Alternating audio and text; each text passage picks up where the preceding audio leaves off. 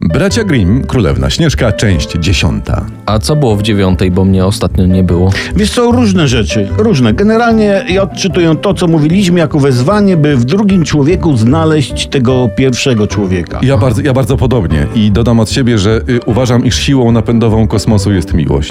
Czyli, że się nie dowiem. A, ty chcesz się dowiedzieć. No. No. Trzeba No. pomówić, no.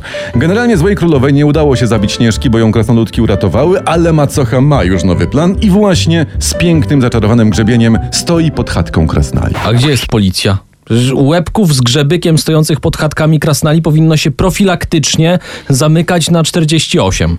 Nie, nie wiem, no, tam macocha stoi i woła i mówi tak. O, ja biedna! Tak woła ta macocha. Iść dalej nie mogę, takem głodna i spragniona. A, a, a Śnieżka, jak znam życie, hyc i dała jej bułkę i mleko, tak? No, ale jakbyś to czytał?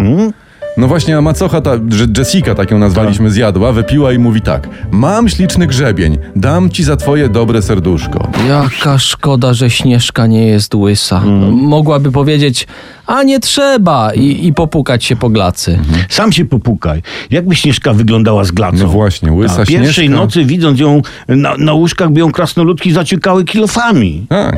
Poza tym, poza tym łysej śnieżce macocha Jessica mogłaby powiedzieć oto piękny grzebek do grania skocznych melodyjek, nie? I by śnieżkę musiała wziąć. No. Ja nie Zenek Martyniuk by jej wtedy Śnieżka zasunęła. Tak by było. No może. no ale czekajcie, co, wzięła w końcu ten grzebyk? No wzięła, no.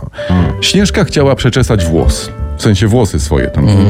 Ale jak tylko go- dotknęła tych włosów, wpadła jak kwiat zwiędły, piszą bracia Grimm, na murawę. A stara z szyderczym śmiechem wybiegła z chatki. Tak